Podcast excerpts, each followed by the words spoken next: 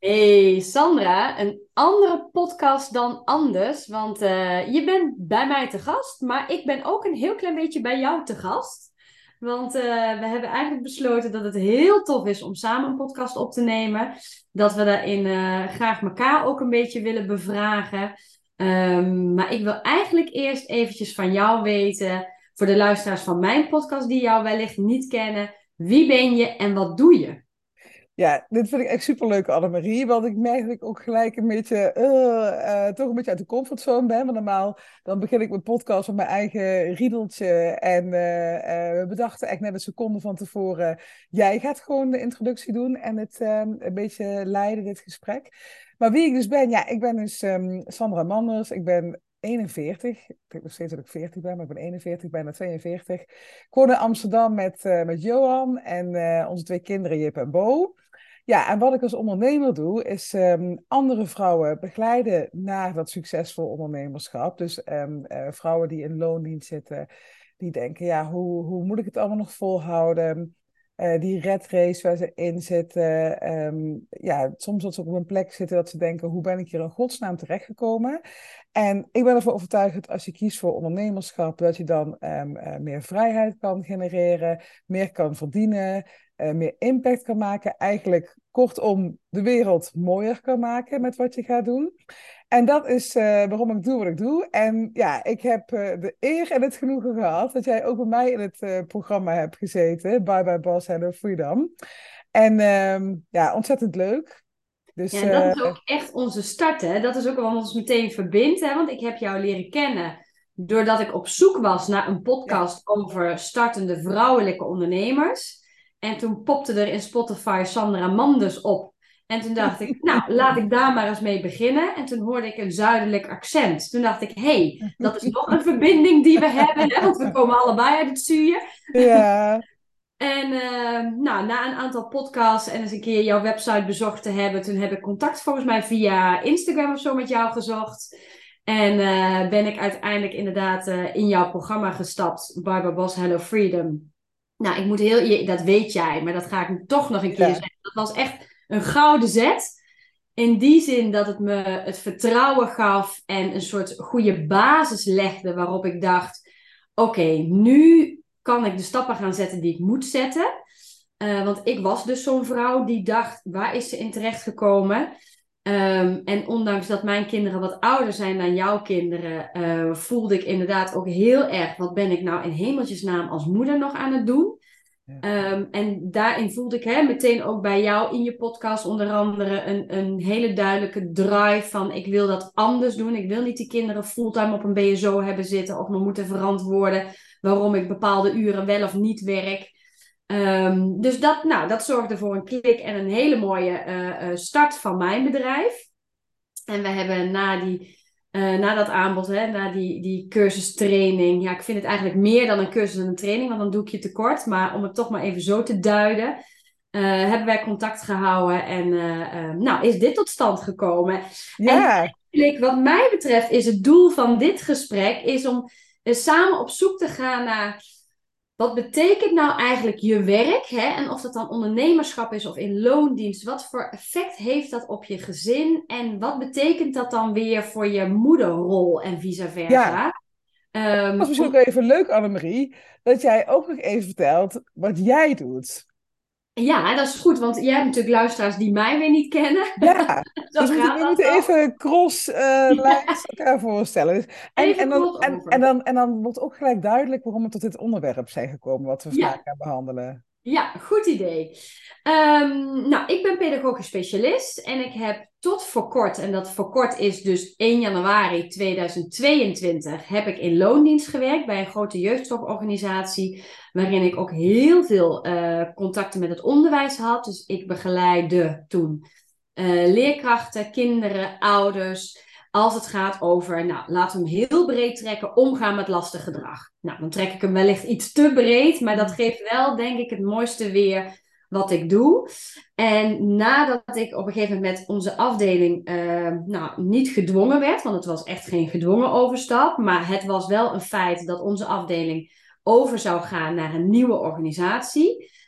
in alle eerlijkheid, daar had ik wel mijn twijfels bij. Maar ja, ik ben redelijk positief ingesteld van mezelf. En ik dacht, weet je, schouders eronder, we gaan dit gewoon doen.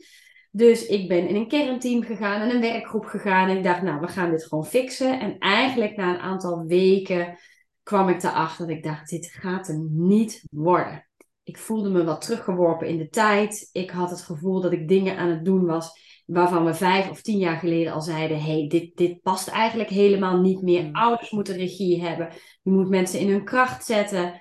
Ehm, maar ook dat heel veel tijd ging zitten in. Um, geneuzel noem ik dat altijd. Dat is natuurlijk niet helemaal geneuzel. Dan snappen we wat je bedoelt. ja, ja geneuzel achter de laptop. Hè? Dus allerlei uh, regeltjes, uh, formulieren, uh, werkgerelateerde processen in overleggen zitten waarvan ik dacht, oh jongens, dit hadden we in een kwartier kunnen overleggen. Waarom zitten we hier nu nog? Um, en dat was voor mij eigenlijk de stap dat ik dacht, oké, ik kan dit ook zelf. En sterker nog, ik voelde eigenlijk ook, en dat bedoel ik echt niet arrogant, maar ik voelde ook, ik kan dit in mijn eentje misschien nog wel beter. beter. maar dat is ook zo herkenbaar. En ik denk dat dat ook vaak is, dat dat zo'n pijn en frustratie is, dat je denkt, ja, dan ga ik naar het ondernemerschap toe. En er kan heel veel, heel veel dingen op je werk kunnen gebeuren, dat je denkt, nou, eh, vind ik niet leuk, irritant.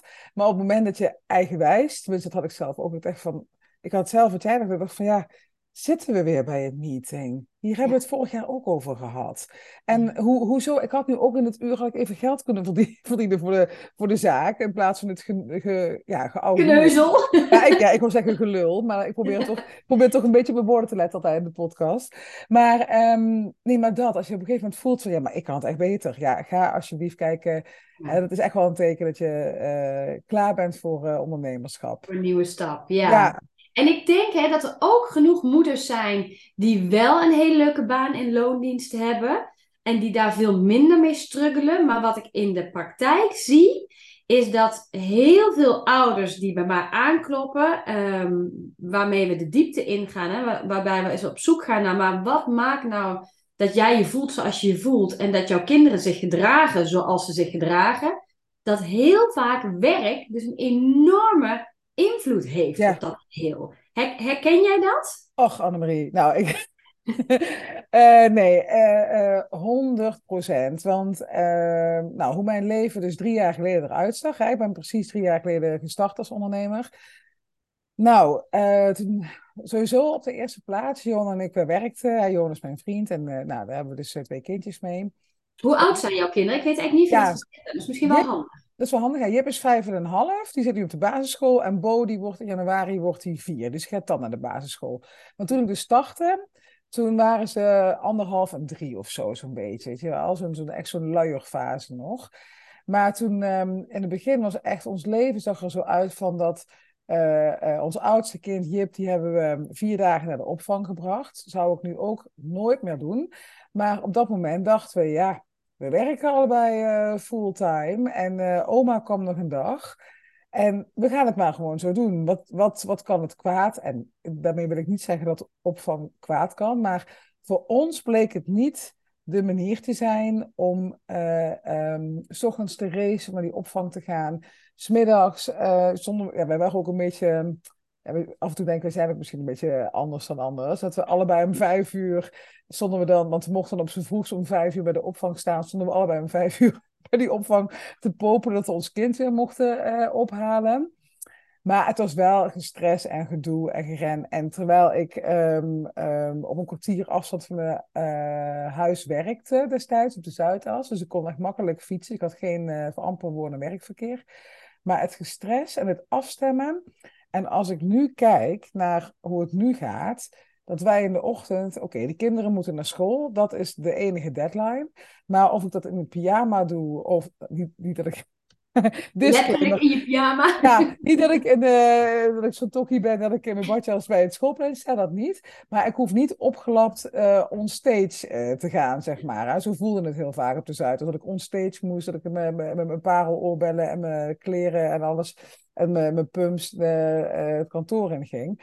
En nu, er is geen stress meer in de ochtend. Dus we hebben tijd om even een boekje te lezen. Tijd om even nog een spelletje te doen. Rustig de kinderen aan te kleden. Nou, het is zelfs zo erg dat Johan, die komt pas om kwart voor acht zijn bed uit. Want die is gewoon geen, geen ochtendmens. Maar ehm, we doen allemaal waar we ons prettig bij voelen. Hè? En um, ik doe zelfs toch eens, uh, ja, dan denk ik van ja, ik heb toch nog tijd over, dan ga ik maar even de was en dat soort dingen allemaal doen, even die huishoudelijke dingen.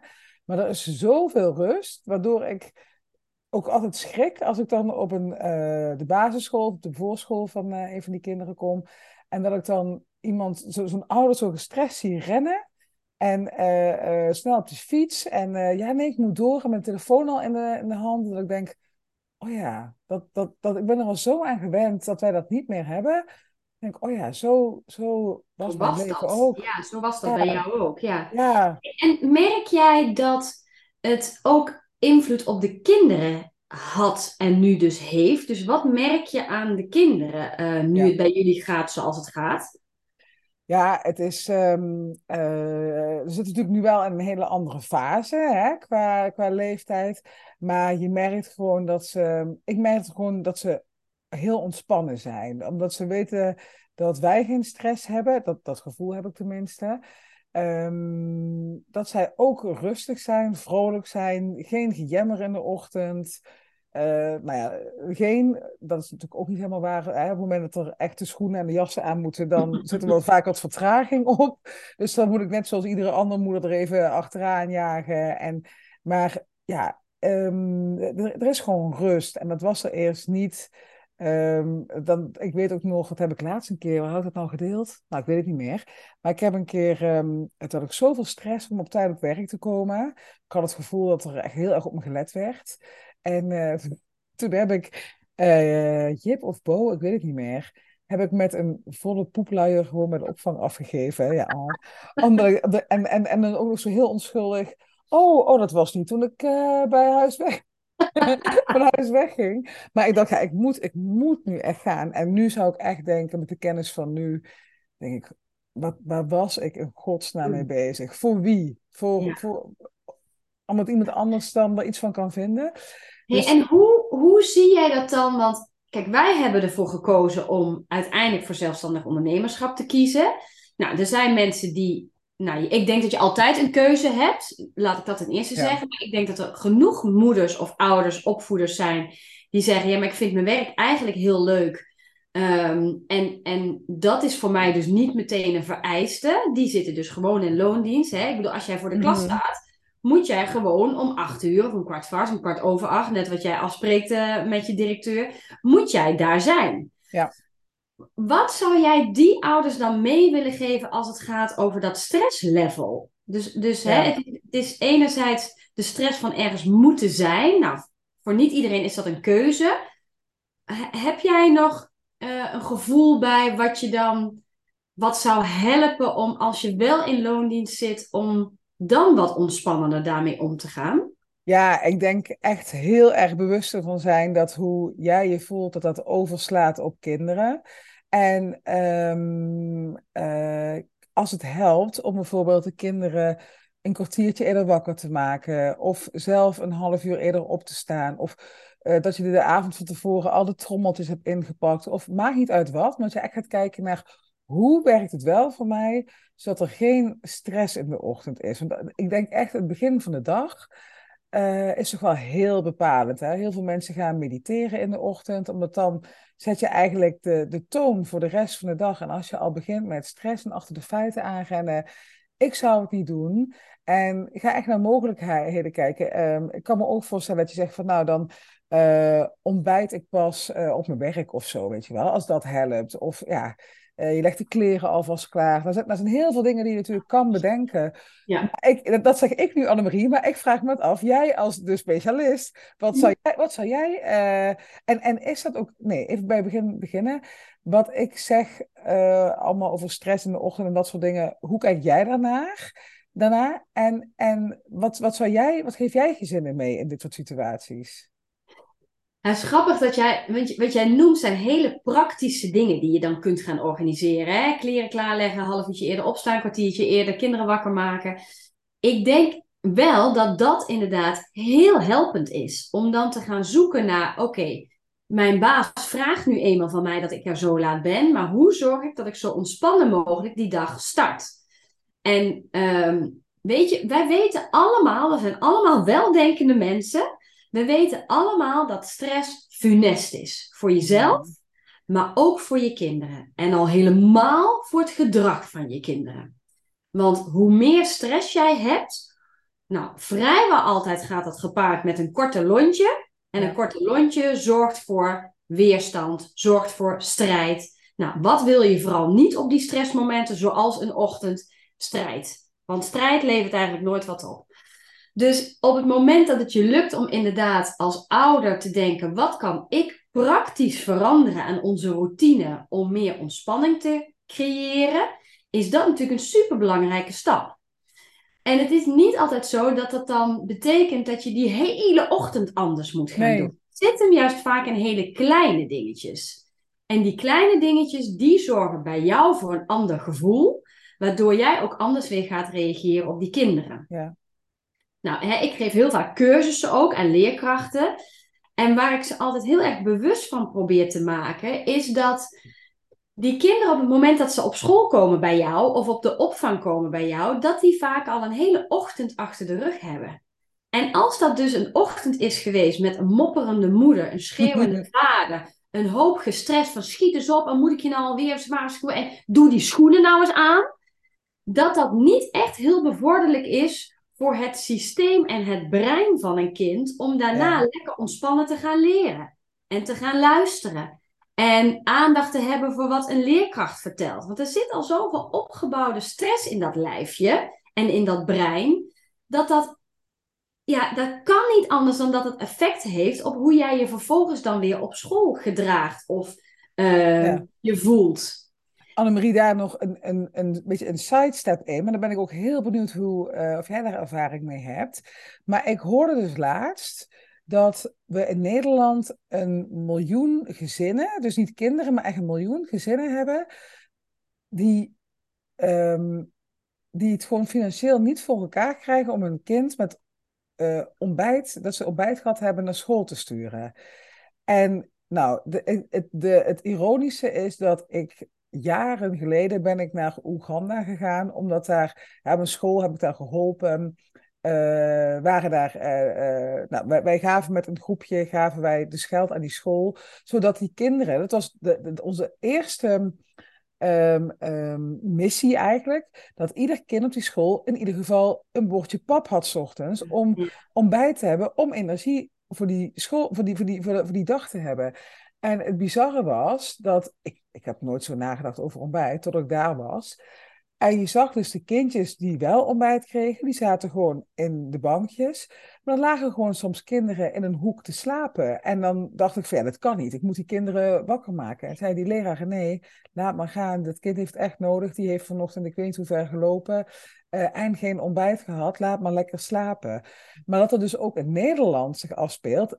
Is dat, ja, dat is vast bij jou uh, voorbij gekomen. Ik, ja, die cijfers, ja, die cijfers ken ik natuurlijk ook. En ik moet zeggen, ik, zelfs nu krijg ik dan ook een beetje kippenvel. Omdat ja, ik denk, oh jongens, we, we leven in zo'n eigenlijk welvarend land. Hè? Als je, zeker als je het gaat vergelijken. Hoe is dit dan mogelijk? Nou ja, dan kom je in een hele politieke discussie. Laten we ons daar niet te heel erg tegenaan bemoeien. Want dat wordt een hele lange podcast.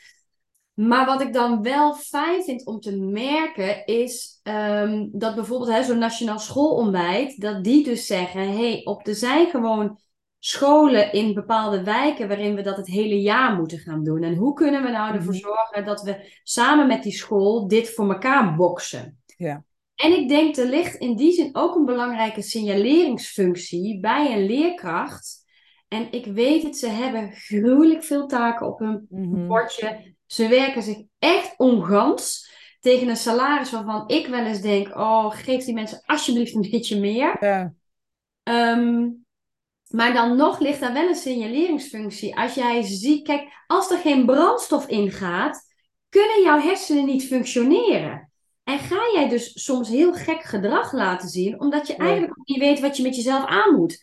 Want je hebt honger, je voelt je niet fijn in je lichaam. Er wordt van alles van je gevraagd, er wordt aan je getrokken om aan het werk te gaan, maar het lukt oprecht niet. Mhm. En dan is het zo fijn als je als professional bij kinderen kunt checken van hey, ehm, heb je vanochtend eigenlijk wel ontbeten? En wat heb je ontbeten? Ja. Ik hoor echt kinderen die gaan inderdaad met een snicker naar school. En dan denk ik, hoe kan het dat een kind wel een snicker kan eten, maar geen bruine boterham met Ja, een beleg? Ja, dat vind ik dan, weet je, daar zit ook een stukje eh, bewustmaking richting ouders weer in. Van wat doe je met zo'n suikershot richting je kind? En wat voor effect heeft dat op gedrag en wat voor effect heeft dat op het leren? Dus ja, ik denk, ondanks dat we ook nog steeds wonen in een land waar heel veel wel goed geregeld is, dat we onze ogen niet mogen sluiten van dat wat er echt beter kan. ja, En dan voel ik voor mezelf, hè, als we hem dan even parallel trekken, ook een soort ja, missie of een soort van, van oergevoel of een soort van strijdvaardigheid dat ik denk, het bewust maken van wat stress en voeding en jouw eigen handelen richting kinderen doet en welk effect dat kan hebben op zijn of haar gedrag, dat is echt wel een hele belangrijke. bizar hè, dat, ehm, ja, dat misschien bepaalde dingen die, die voor jou en mij misschien heel vanzelfsprekend zijn, dat dat niet de norm is. Of dat iedereen dat per se Ja. maar, maar, eh, maar doorheeft, dat dat zo werkt. En nou, ik vind in ieder geval best wel, ehm, ik vond het echt heftig om dat te horen dat, ik dacht, ik ga naar Oeganda om me daar druk te maken en het, het gebeurt onder je neus. Onder mijn neus, ja, ja. Ja, En zo zijn er natuurlijk heel veel onderwerpen van. Ik denk, Ja. weet je, het onderwijssysteem in Nederland, ja, ik vind daar wat van. En ik eh, vind daar wat van, weet je, ook daarin gaan heel veel dingen goed. Maar we zitten, en hè, ook weer een parallel trekkend naar het werk wat wij nu doen, in de vorm waarop wij dat nu doen. Ehm, ja, hoe, hoe, maar hoe leren wij onze kinderen dit? Hè? Hoe leer je een kind dat je keuzes hebt in het leven? Dat je, Mhm. Ehm, weet je, als ik hem even trek naar mijn gezin. Ik heb twee grote jongens, hè? dus eentje van 16, eentje van 14, allebei op de middelbare school. En ehm, ik heb altijd, ik heb, ben een harde werker. Ik hou ook van hard werken. Ik vind het heel leuk wat ik doe. Dus dat, maar dat betekent dat ik soms ook keuzes heb gemaakt die niet altijd per se de schoonheidsprijs verdienden. Kijk het naar mijn kinderen. Mhm. Ik heb wel eens dingen geskipt voor mijn werk. Terwijl ik denk, hm, ik had eigenlijk ook op die oude avond of dit of dat moeten doen. En toch, en ik check het wel eens bij ze als ik dan weer eens ergens niet kom opdagen voor werkgerelateerde dingen. Van, vind je me nou een ontaarde moeder? En eigenlijk zeggen ze dan altijd van, nee joh, je bent helemaal geen ontaarde moeder. Want dat is dan mijn eigen angst. Ik, ik doe niet genoeg.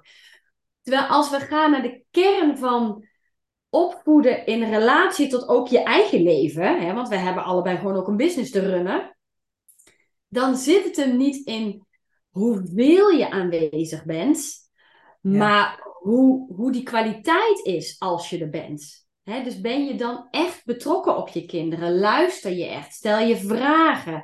Heb je de rust om een spelletje te doen? En ik zie genoeg ouders in, in mijn werk, eh, waarbij ik denk, ja, die zijn heel, heel, heel veel meer aanwezig Mhm. dan ik thuis ben.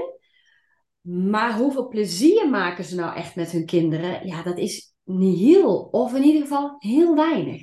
Ja. En daarin ja, is het ook, denk ik, voor veel ouders wel een zoektocht van hoe verhoudt mijn werk zich nou tot mijn privé? En hoe zorg ik dat daar een balans in is? Hoe, Ja. hoe zie jij dat? Ja, dat herken ik ook heel erg, Annemarie. En ook zelfs zo erg dat ik denk, ja, ik ben ook eh, hè, eh, misschien relatief vaak bij de kinderen. Maar er zijn ook momenten inderdaad dat ik eigenlijk liever eh, achter mijn laptop duik. Omdat ik denk van, ook wil nog even een nieuwsbrief of een post maken of dat soort dingen.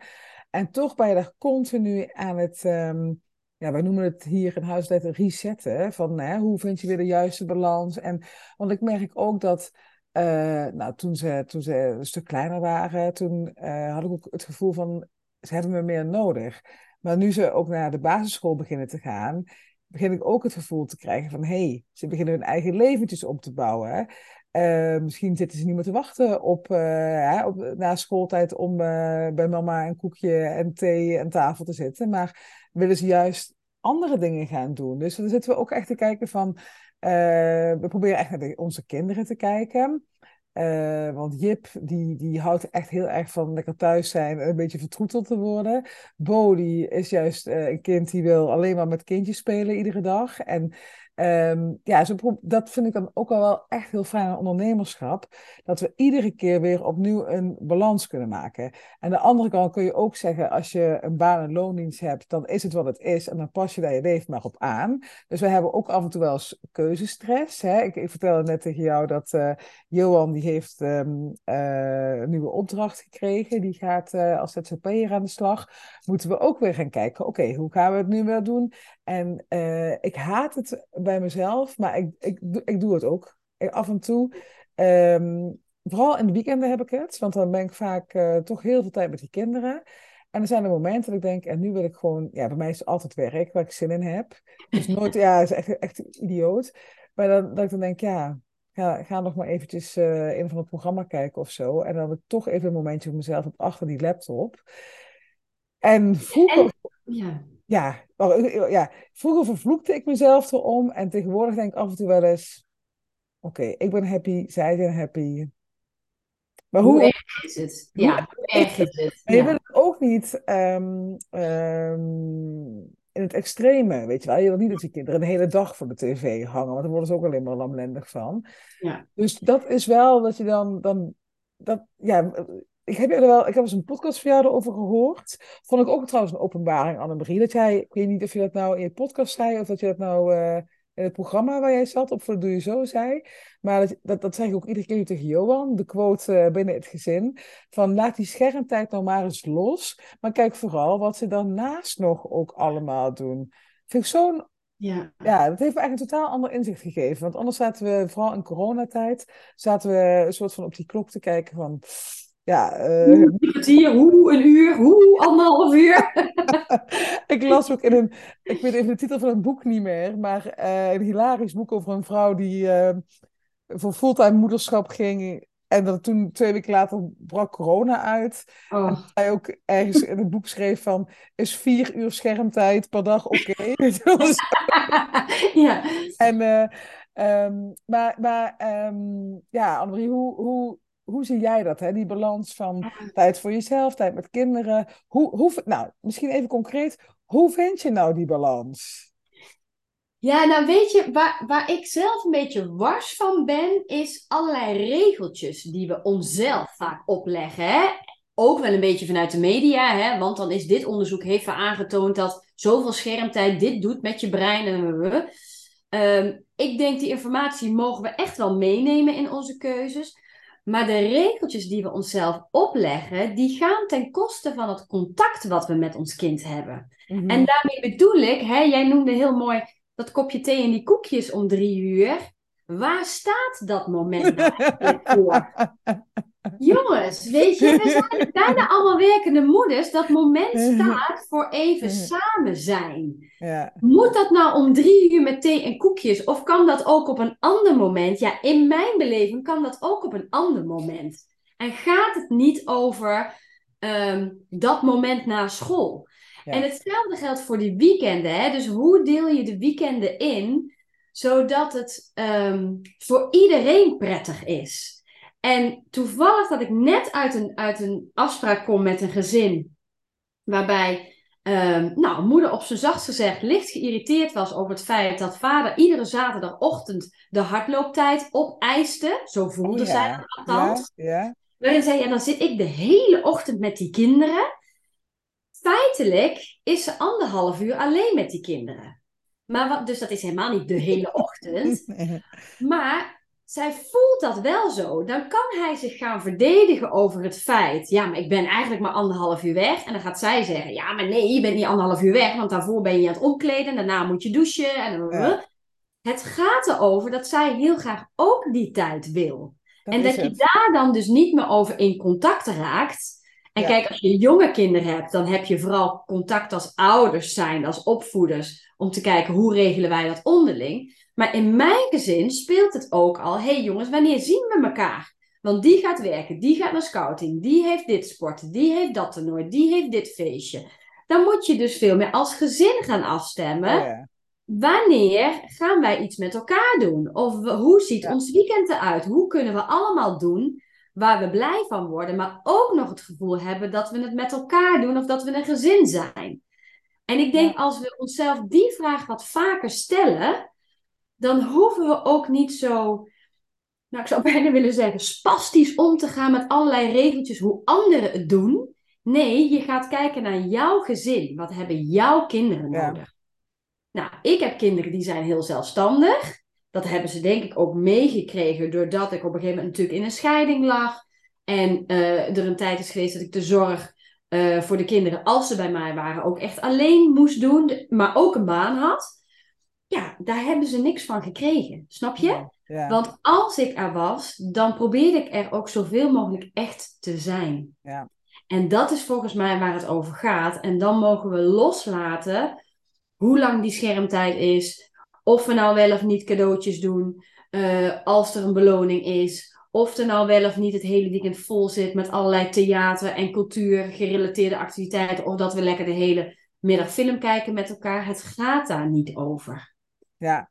Ja, ik vind het zo, ik vind het zo herkenbaar, Annemarie. Want eh het doet me ook gelijk denken aan de discussie die wij hier hebben. Ik ga heel graag, ik vind het heel fijn als ik in het weekend even tijd voor mezelf heb. Tijd met de kinderen, tijd een keer met Johan. Weet je, dat, het- dat het een mixje is van alles. En het liefst ga ik dan ook altijd op zaterdagochtend even sporten. Om negen uur. maar die kinderen die zijn echt om, ja, die zijn altijd zes of half zeven wak- wakker. Dus Johan zegt dan altijd, ik vind het zo onhandig dat jij midden op de dag gaat sporten. en dan en midden op de dag. discussie, ja, midden op de dag, ja. Ja, maar jij eh, gaat op zaterdag naar, of op zondag naar Ajax. Weet je wel, Oh, krijg je dat zo.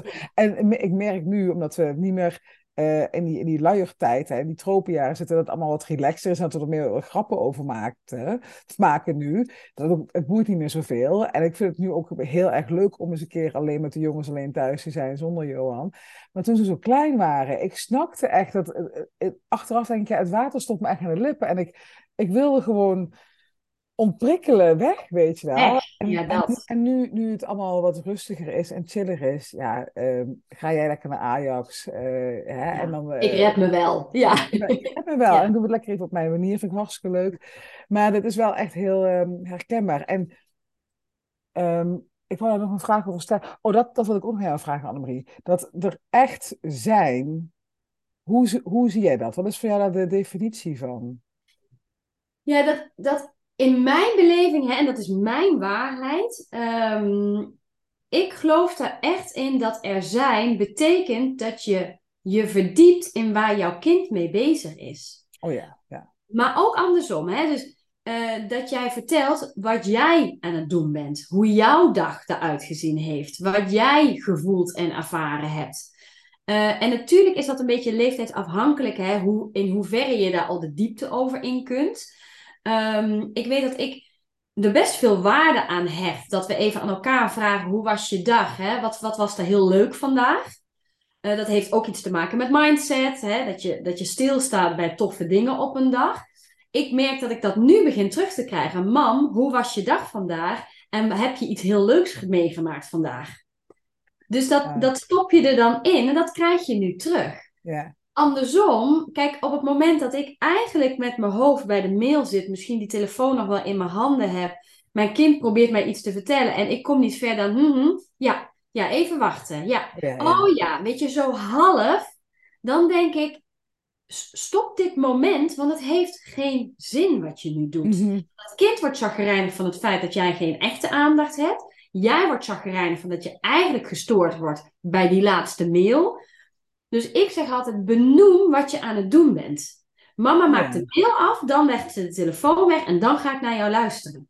Ja, Of ehm, ik ga naar jou luisteren. Als jij klaar bent met praten, dan ga ik mijn telefoon pakken, want dan moet ik nog even iemand een appje sturen. ja, Daarmee help je jezelf om te doen wat je zegt en andersom. ja. Hè? Dus, goede tip, ja. dat, dus dat is een stukje echt, echt zijn. En dat, ik bedoel, er is natuurlijk in heel veel gezinnen heel veel ja, shit, zou ik bijna willen zeggen, over die fucking game tijd. Mhm. Oh, dat hebben wij gelukkig nog niet. Geen tijd. Dat kwam nog wel. nou, give it away. Dan uh, hebben we die alvast, uh, nemen we die alvast mee. Nou, weet je, en bij de een is het gamen en bij de ander is het schermtijd en weer is Ja, oké. Okay. Ja, ja. Um, uiteindelijk denk ik, je, je kunt voortdurend. Um, kijk, ik weet dat bij heel veel gezinnen een gedoe is. Je wil dat hij nu stopt, hij of zij, maar er moet nog een potje afgemaakt worden. Want anders ben ik dood. Nou, dan, dan krijg ik al een soort van vlekken. Hè? Dat ik denk, anders ben ik dood. Schijn nou toch eens uit, man. We gaan gewoon stoppen met een spelletje. Punt. Maar um, als, jij, als jij midden in een film zit en iemand alles komt je vertellen... Precies! Dan word je toch ook knettergek? Precies, maar dat is dus inderdaad het punt. Op het moment dat jij dus gaat snappen hoe zo'n spel in elkaar zit... door er eens naar te vragen... Oh, ja, ja. Hoe werkt dat nou dan als jij doodgaat? En wat betekent dat dan in dit spel? Dan snap jij veel beter waar die kinderen mee dealen. Ja, ja of als die met TikTok-filmpjes zitten... Um, of met YouTube, of het maakt niet uit... Um, vraag eens, wat kijk je nou eigenlijk? Wat ben je nu aan het doen? Waarom vind je dit zo leuk? Laat het me eens zien. Ja. Want dan zie je dat die kinderen aangaan. Die gaan jou allerlei dingen vertellen over hoe het allemaal werkt en waarom ze het interessant vinden. Ja. Steek daar tijd en energie in. Want dat zorgt dat je elkaar veel beter gaat begrijpen. En op het moment dat je elkaar beter gaat begrijpen, zul je ook zien dat lastig gedrag veel makkelijker om te buigen is. Ja, dat is wel, dat is wel een mooie wat jij zegt. Want ik weet ook dat heel af en toe. Uh, uh, dan ga ik eens even naast die kinderen zitten. Uh, als ze nou, bij ons dan Superwings aan het kijken zijn, een tekenfilm. En ja, dan zit ik daar toch en denk, nou, vraag maar eens wat. Nou, dan gaan die, oh, die kinderen helemaal enthousiast. Ja, en de berg, en ik dit doen en dat doen. En ja, kan geen touw aan vastknopen, maar prima. Weet je wel, maar dat is dan, dan kom je wel op hun level of zo. Ja. Terwijl als ik ze vraag van hoe was het op school, nou, krijg ik echt, uh, nou, alsof ik, uh, hoe zeg je dat? Of, ja. Alsof ik water zie branden, weet je wel. Want er gebeurt er helemaal niks. En ja, dus ik vind dat wel een goeie. Dat, ik, ga, ik ga het ook eventjes meenemen, Annemarie. Ik ja. het vaker ook, uh, ja, ga inchecken op... Um, ja, hoe, hoe hun leventje is. Want eigenlijk trek je ze iedere keer maar naar je eigen leven toe of ja, zo. Precies, ja. ja. En dat is zo waardevol. En, en zeker als je dan kijkt naar, naar hoe jij je werk doet en wat jij belangrijk vindt in je werk. Kijk, zo jong als ze zijn, daar kun je gewoon dingen over gaan delen. Mm -hmm. En zullen ze dat helemaal snappen? Zullen ze dat helemaal begrijpen? Moet jij je dag helemaal vertellen? Nee, zeker niet. Maar op hun niveau kun jij wel ook vertellen wat jou bezighoudt in het leven. Ja. En um, op het moment dat dat namelijk een soort gewoonte wordt of een soort zo gaan we met elkaar om in dit gezin, dan zul je zien dat op het moment dat er moeilijke situaties zijn of moeilijke fases zijn, want in ieder gezin zijn die fases dat je denkt, huh, we hadden het toch op de rit, waarom gebeurt dit nou weer? Ja. Of waarom hebben we nou weer zoveel strijd? Of waarom uh, ben ik nou zo gestrest? Of nou, noem maar op. Dan zul je zien dat je het veel makkelijker bij kunt sturen, mm -hmm. omdat in die basis het contact zo echt en oprecht is. Ja. Ja, en mooi. daar is denk ik heel veel winst te behalen voor heel veel gezinnen. Ja, ja. En Annemarie, ja, ik vind het echt een hele mooie tip. Maar um, kom jij ook, um, want jij komt ook bij gezinnen natuurlijk, hè, en uh, op scholen, uh, overal waar kinderen eigenlijk zijn. En uh, um, kom jij eigenlijk ook veel struggles tegen? Dat in dit geval vrouwen, moeders, struggelen tussen dat werk uh, hoeveel ze werken uh, en hun kinderen. Is dat, is dat ik, ik, ik, kom, ik kom het natuurlijk dagelijks tegen, maar is dat in Ja. het algemeen uh, een, een, een probleem ook bij jou? Ja, nou wat ik aan het begin een beetje zei, hè, is dat dus de stress die het werk oplevert, dat dat dus onlosmakelijk invloed heeft op je gezinsleven. En wat ik zie is dat we willen het overal zo goed doen. Dus die Mhm. opvoeders willen het op hun werk heel goed doen. Die willen de perfecte ouder zijn. Die willen dan ook nog een hele leuke partner zijn, een goede vriendin. En hebben misschien dan ook nog een dochter of een zonenrol te vervullen. Ja. En die ballen, die, ja, die zijn gewoon zwaar om in de lucht te houden. Mhm. En ik heb daar eigenlijk sinds mijn ondernemerschap, maar ook door jouw programma, eh, ben ik me zoveel bewuster van de keuzes die ik maak en wat voor effect of wat voor invloed dat heeft op mijn omgeving, Ja. dat, ehm, dat ik eigenlijk weer tot inzicht ben gekomen is als ik als mens wil groeien en blijf groeien, dan maakt me dat dus automatisch een betere opvoeder. Mhm. Zonder dat ik dan echt wil of bewust groei in mijn oude rol, zeg maar. Hè? Maar omdat ik gewoon bewust keuzes maak in wat ik wel en niet doe, ook werktechnisch, Ja. betekent dat dat dat invloed heeft op hoe mijn gezin eruit ziet. Ja. En ja, weet je, dat gaat mij ook echt niet altijd even makkelijk af. En ik struggle daar ook iedere keer mee. Maar ik sta dan wel achter de keuzes die ik maak. Ja. En ehm, op het moment dat ik een hele drukke week heb, waarbij, ja, inmiddels kan ik dan vragen: wil jij even koken? dat is ook Oh, heel Ik kan me fijn. daar gewoon niks bij voorstellen. Oh, dat is echt heerlijk. En jouw kinderen nu? Ja, 14 en 16. Oh, jongens. Heerlijk, ja. Ja, dat is echt heel lekker. Maar ook toen ze jonger waren, dat ik dacht: oké, ik kies er nu voor om energie te stoppen in dit werk.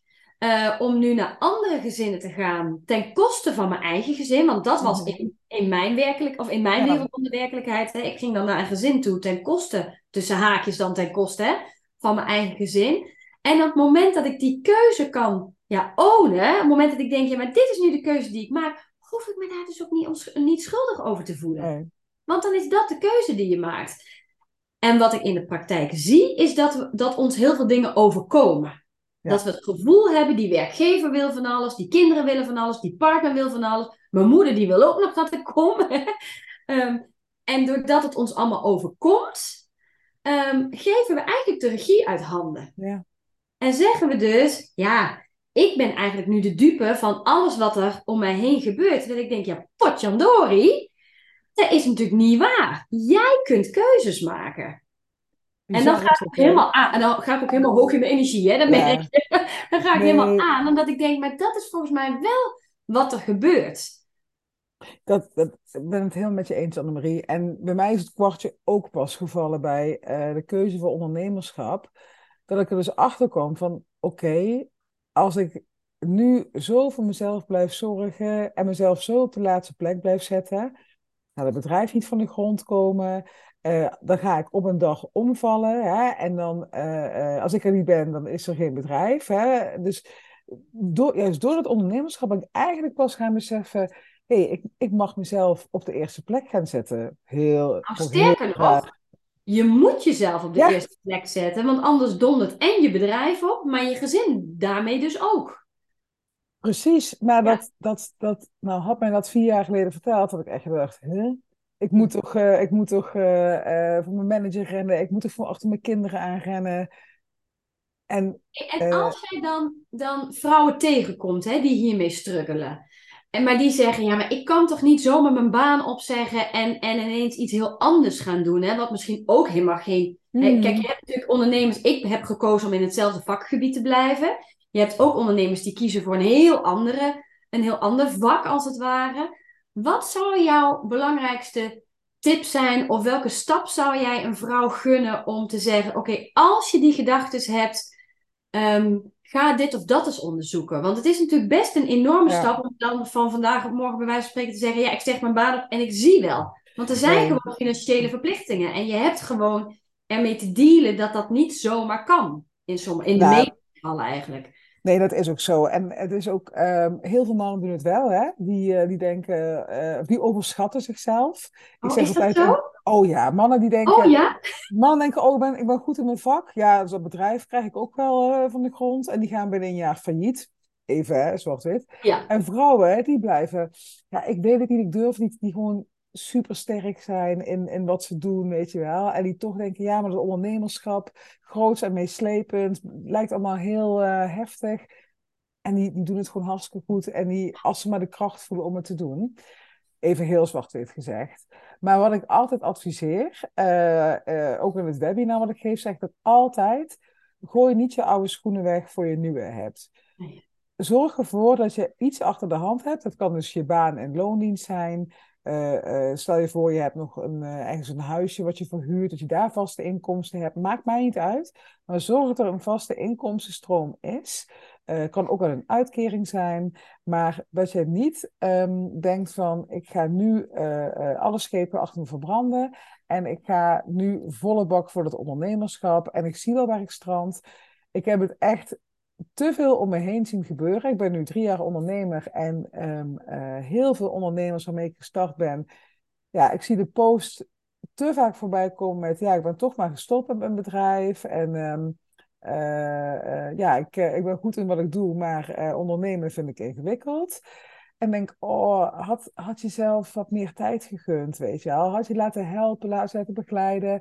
Had het stap voor stap gedaan. In plaats van uh, gelijk volle bak het ondernemerschap in te duiken. Dus ik zou dat altijd. Um, want, je moet ook onderzoeken, hè? Nou, ik kan hier nog een uur over lullen, Annemarie. Hè? maar nee, maar dan moeten ze jouw webinar gaan volgen, hè? Want dat is natuurlijk interessant. Ja, ja daar, daar vertel ik het uitgebreid in, inderdaad. Maar ik denk in de basis, om het even kort en krachtig te houden, dat uh, stort jezelf niet gelijk in iets waarvan je nog niet eens weet hoe het werkt. Zeker als je geen uh, mensen in je omgeving hebt die uh, die niet onder, als je geen ondernemers in je omgeving hebt.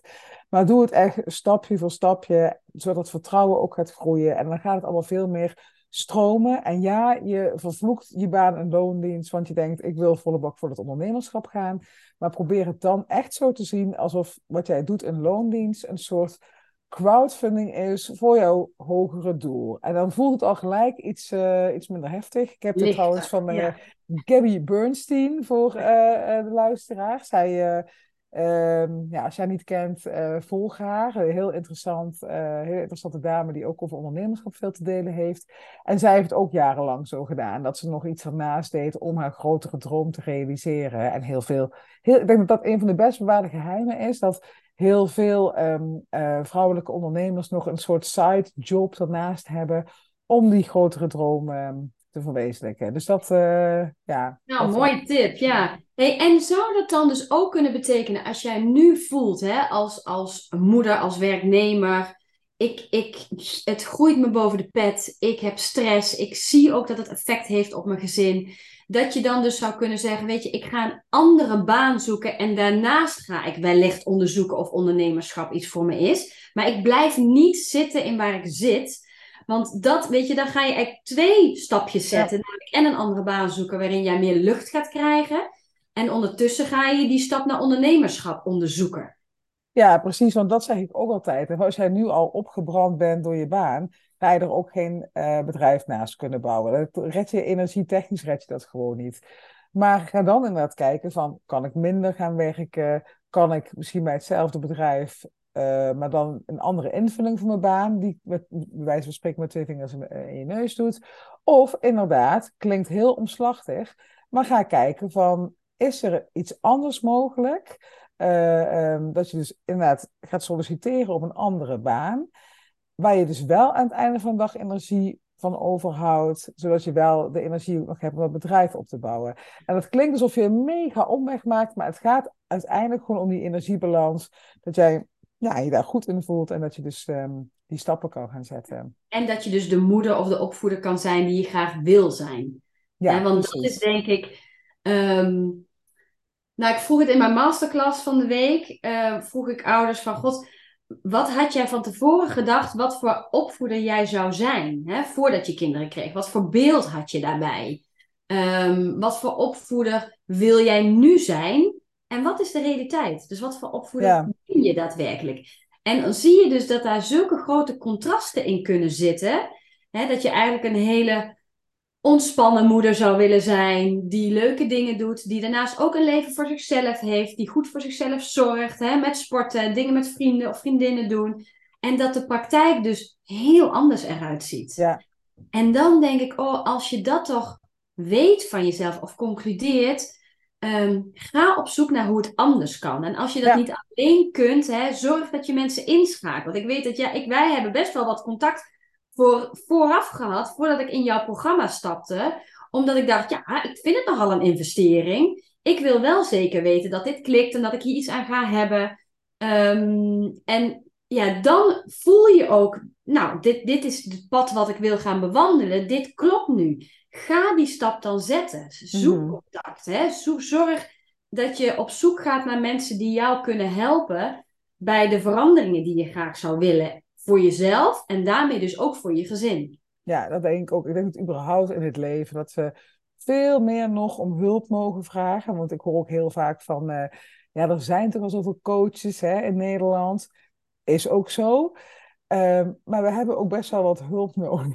Ja, het ja, leven ja. waar we in staan. Want dat is ook nog een vraag die ik aan jou wilde stellen, Annemarie. Daar, daar moet ik aan denken toen we het eh, eh, over een bepaald onderwerp hadden. Eh, maar ik denk dus, en ik ben even benieuwd wat jij daarvan eh, van denkt. Ik denk dus dat ehm, eh, doordat ehm, we hebben natuurlijk eh, jaren geleden bedacht van wij als vrouwen wij willen stemrecht, we willen zelf ook de kost verdienen, we willen kinderen, maar ook daarnaast een carrière. Dat allemaal, hebben we allemaal bedacht. Maar eigenlijk, als je kijkt hoe lang de mens er al is, is dat nog helemaal niet zo heel erg lang. En ik denk dus ook dat al deze struggles waar wij mee zitten, een soort van groei is. Dat we, dit moeten we als maatschappij allemaal nog mee leren omgaan. Hoe doen we dit nu? Hoe gaan we hiermee om?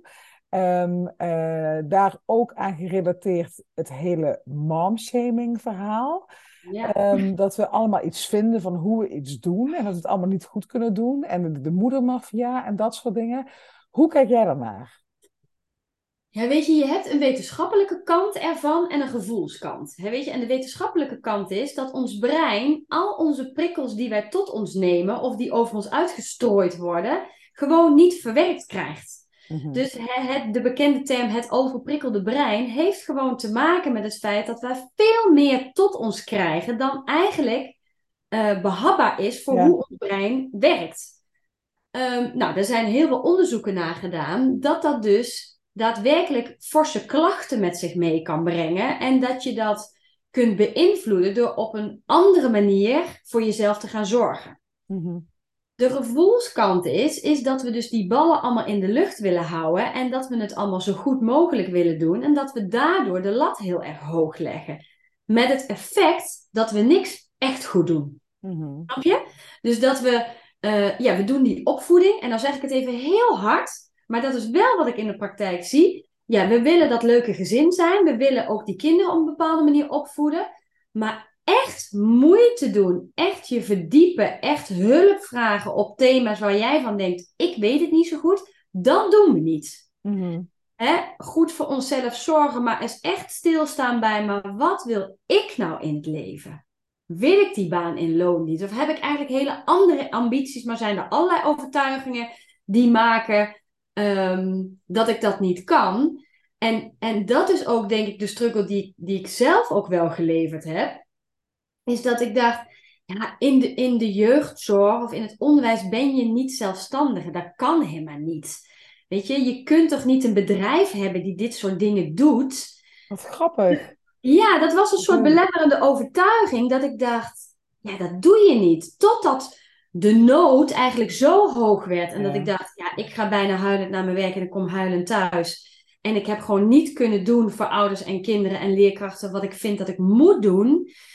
Ehm, dan dan is, is de pijn zo groot dat je denkt, het moet anders. En ik denk dat we soms die pijn niet zo hoeven te laten oplopen, maar al eerder stappen kunnen zetten, waardoor het leven gewoon Ja. net iets luchtiger en makkelijker wordt. Nou ja, en dan zit je denk ik ook weer bij een stukje mindset. En ik weet dat dat ook heel erg jouw interesse heeft. Van hoe kijk je naar dingen? Hoe denk je over dingen? Ik kan, nou ja, bijna emotioneel worden als ik denk, 1 januari begon ik en ik dacht, ik moet überhaupt maar zien dat er klanten komen. En ik doe dan zo op. Oh, Annemarie, oh, ja, ik snap het helemaal. En ik doe dan een programma, dus ik ga hulp vragen. Onder andere aan jou. En ik heb gewoon echt wel een goede business die op poot staat. En het is pas jaar één. Ja, is En mijn gezin, mijn gezin is nog nooit zo goed in balans geweest als nu. Ja. En dan denk ik, jeetje, wat, ehm, wat een stappen kun je zetten als je maar voelt, ik wil het anders. En dan hoef je het Ja. antwoord nog niet eens te hebben. Oeh, die zou ik even niet aankomen. Nee, maar Eh. ik snap het. Het heeft gewoon heel veel voor je betekend. Je hele leven ziet er gewoon anders uit nu. Ja. En hoe lekker is dat? En het is niet dat ik daarvoor een rot leven had, hè? helemaal niet. Maar wel dat ik denk, als je toch voelt als vrouw, als opvoeder, als mens, er zijn gewoon struggles in mijn leven die ik anders wil. Want hè, mijn gezin loopt niet helemaal lekker. Of uh, ik heb te veel stress. Of ga alsjeblieft stappen zetten. En dat heb ik zelf heel erg ondervonden. Hoe spannend dat ook is. Doe dat. En dat is wat ik ook heel erg herken in jouw verhaal. Want dat heb ik natuurlijk ook meerdere keren gehoord. Jij was ongelukkig op die Zuidas. Jij dacht, wat de fuck doe ik hier met al die mafkezen? Ik wil dit leven niet. Ja. De enige die het dan kan gaan veranderen, ben jezelf. Ja, en vaak is daar heel veel voor nodig. Moet je een paar eh, steentjes tegen je hoofd uh, krijgen. En uiteindelijk een soort rotsblok. Dat je eigenlijk niet meer anders kan. Maar als we net eerder die staps... En ik kom het ook heel vaak tegen. Vrouwen waarbij uh, de pijn dan net niet groot genoeg is. Die denken, nou ja, ik hou nog wel even vol. En als je dat al denkt, ik hou nog wel even vol dan weet je eigenlijk ja, al... Nee, en voor wie? Voor wie ben je aan het volhouden? Je doet er niemand goed mee. Je doet jezelf tekort, je doet je gezin tekort, je doet je partner, je, al je, je, je dierbaren doe je tekort omdat jij niet in je kracht staat. 100%, maar ik denk dat dat ook iets te maken heeft met belemmerende overtuigingen. Of nou niet eens belemmerende overtuigingen, maar overtuigingen van zo makkelijk kan het toch niet zijn. Of dat is toch niet voor mij weggelegd. Of uh, uh, ik dacht heel lang, iedereen heeft toch zo'n leven. Dat je van maand tot vrijdag naar kantoor gaat. En dat je s'avonds om elf uur nog nou ja, de, de kwijl van je kinderen van van de vloer zit te dweilen, bij wijze van spreken. het is gewoon even volhouden, het hopen jaar. Iedereen heeft het zwaar. Niets mogen klagen. Ook heel oh, Nederlands, denk ik. Ja, dat je als vrouw ook, heb ik kan mezelf ook voor mijn kop slaan. Dat um, uh, toen Bo geboren werd, dat was een uh, twee-in-één bevalling. Het was helemaal natuurlijk. En uiteindelijk moest het ook nog een keizersnede oh, worden. Oh, ja. Toen kind was vijf kilo. ja. En toen werd tegen mij gezegd, Sandra, hou er rekening mee. Je hebt twee bevallingen gehad, dus je hebt ook dubbele hersteltijd nodig. En ik dacht toen, oh, ik ga wel even laten zien dat ik er binnen drie maanden weer ben. Ja, Stond ik daar. En ik sukkel. Waar, voor wie deed ik dat dan? Wie? Ja. En dat komt denk ik ook gewoon door, ook wat wij zelf allemaal doen als vrouwen. Hè? Van, uh, oh nee, ik had geen pijnbestrijding bij de bevalling. Nee, ik heb het allemaal op eigen krachten gedaan. Ja. Hou op, hè? Hou op. Ja, ja. geef, geef iemand die, een, die het allemaal niet zitten, spuit die vrouw vol, weet je, als, het, als dat helpt. En, ja, natuurlijk. Uh, maar dat, ja, we doen het zo vaak zelf. En uh, dat naar elkaar kijken. Ik heb toevallig binnenkort ga ik ook een hele leuke podcast opnemen met een uh, dame die zich dus druk maakt over het hele momshaming verhaal. Maar um, dat we dus inderdaad um, um, naar elkaar kijken van, oh, oh werk jij fulltime? Oh, wat wil je je kinderen dan niet zien? Oh, werk jij parttime? Vind je je carrière dan niet belangrijk? Waar gaat dit allemaal over? Het is dus ook nooit goed. Nee. uiteindelijk ben jij de regisseur van je eigen leven, zeg ik altijd. Jij bepaalt hoe die film gaat. En op het moment dat jij dus allerlei externe dingen de schuld geeft van het feit dat jij gewoon niet lekker in je vel zit of niet lekker in je, in je gezin zit, dan heb je daar gewoon iets te doen. En dat is denk ik ja, een hele belangrijke les misschien die wij allebei hè, een parallel vanuit onze eigen bedrijven mee willen geven aan, aan nou ja, vaak moeders, hè, ook in mijn mhm. geval, ook veel vaders, maar ook moeders. Van ja, neem het heft in eigen handen en zorg ervoor dat jij goed in je vel zit, want daardoor kun je ook leveren aan je gezin en aan je kinderen.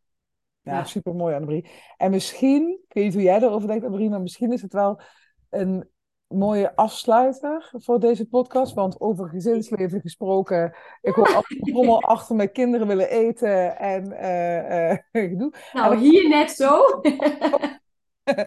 en ik denk dat het gewoon een, mooi, echt een mooie is om ermee af te sluiten. Dat echt, ik ga niet wachten tot iemand anders. Nou, mijn, mijn eigen coach Fatima zei tegen mij, Sandra, um, waar ga je nou op wachten? Want ik begon maar, ik was maar aan het uitstellen, aan het uitstellen dat er een trein op een dag komt die zegt stap maar in? Of uh, uh, moet je echt een... Gewoon zelf veranderd, hè? Ja. ja. Nee, maar ga gewoon een stap zetten. En het hoeft echt niet groot en mislepend te zijn. En het hoeft ook niet per se ondernemerschap te zijn. Maar als jij niet blij bent met je leven nu, ga echt kijken hoe word ik weer happy.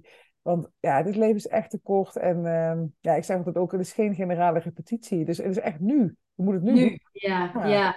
En hè, daarop aansluitend, en dan sluiten we hem echt af op het moment dat jij namelijk laat zien dat jij een gelukkig leven leidt en dat je daarin keuzes kunt en mag maken, is dat wat je meegeeft aan je kinderen. Ja. Volgens mij is dat wat we ook allemaal willen. Ja, het voortleven van hoe je je leven kan, le kan leiden. Ja. Ja. Ja. ik zou zo, misschien moeten we ooit nog, moeten we nog een deel 2 maken of zo. Of maken we er een drieluik van. Maar ik vind het echt super leuk en interessant om ook, ja, ook voor jou. Ik kijk natuurlijk naar jou op verschillende manieren. eh, als de expert, eh, eh, maar ook als hè, de, de deelnemster van het programma, ook als moeder. Dus op allerlei verschillende manieren kijk ik naar jou. Vind ik het heel interessant om jouw invalshoeken te horen. Dus Ja. dank je wel daarvoor. Ik vond het echt, ja, we, we hebben niks van tevoren bedacht van dit gaan we spreken Nee. gaan bespreken. Maar ik denk dat het sowieso voor moeders ehm, en ondernemende moeders gewoon heel waardevol eh, is Ja. geweest. Dit, eh, Ja, deze dat denk ik ook. Nou, en het enige doel wat we hadden is, we wilden graag een gesprek ja. en niet interview. Nou, volgens mij is dat heel mooi gelukt. ja, dat denk ik ook. Ja, En nou, ik denk dat we daar heel eh, tevreden over mogen zijn. nou, super mooi. Dankjewel voor het luisteren. Jij dankjewel dat je er was. En andersom ongetwijfeld ook. Ja, dankjewel, ja, dankjewel ook namens eh, mijzelf en eh, mijn luisteraars. En, Ja, ja, dat- ja, voor de duidelijkheid, voor de mensen die denken van wat bedoelen ze nou toch? Maar de- deze podcast komt bij en Annemarie op het kanaal en bij mij op het kanaal. Dus vandaar Ja. dat we een beetje zo eh, cross, eh crossover zijn. Ja, en wij gaan nu even afstemmen buiten de, de microfoon om wanneer die online komt. En Oh ja. dat je heel erg hebt kunnen genieten van deze podcast, dat het waardevol voor je was. Laat het ons weten als het waardevol voor je was. Sandra kun je vinden op vooral LinkedIn, hè, ben je heel actief. Ja. Maar je hebt ook een website waar ze je altijd kunnen berichten. Dus eh, nou, heeft dit iets getriggerd bij je? Zoek haar even op op LinkedIn of via de website. Zodat ze misschien met je mee kan denken. En eh, nou, mij weet je hoe je kunt vinden. Voor jouw luisteraar, Sandra, Ja. ik ben te vinden met name op Instagram eh, onder Annemarie, pedagogisch specialist. Ik heb ook een website, info.annemariestevens.nl. Daar staat ook eh, de mogelijkheden om een keer een masterclass of iets dergelijks bij te wonen. Dus eh, nou, als het iets bij je gedaan heeft, zoek... En deel, Annemarie, deel ook nog even jouw podcast. Want misschien Oh ja, de podcast. Ja, ja. de podcast is ook op Spotify, hè? net als waar jouw podcast te vinden is. Goed dat je het even zegt. Ook onder eh Annemarie, pedagogisch specialist. Dan eh, vind je hem en daar staan inmiddels heel wat afleveringen op. Met hopelijk ook voor jou hele waardevolle informatie. Dankjewel alle luisteraars van alle podcasts voor het luisteren.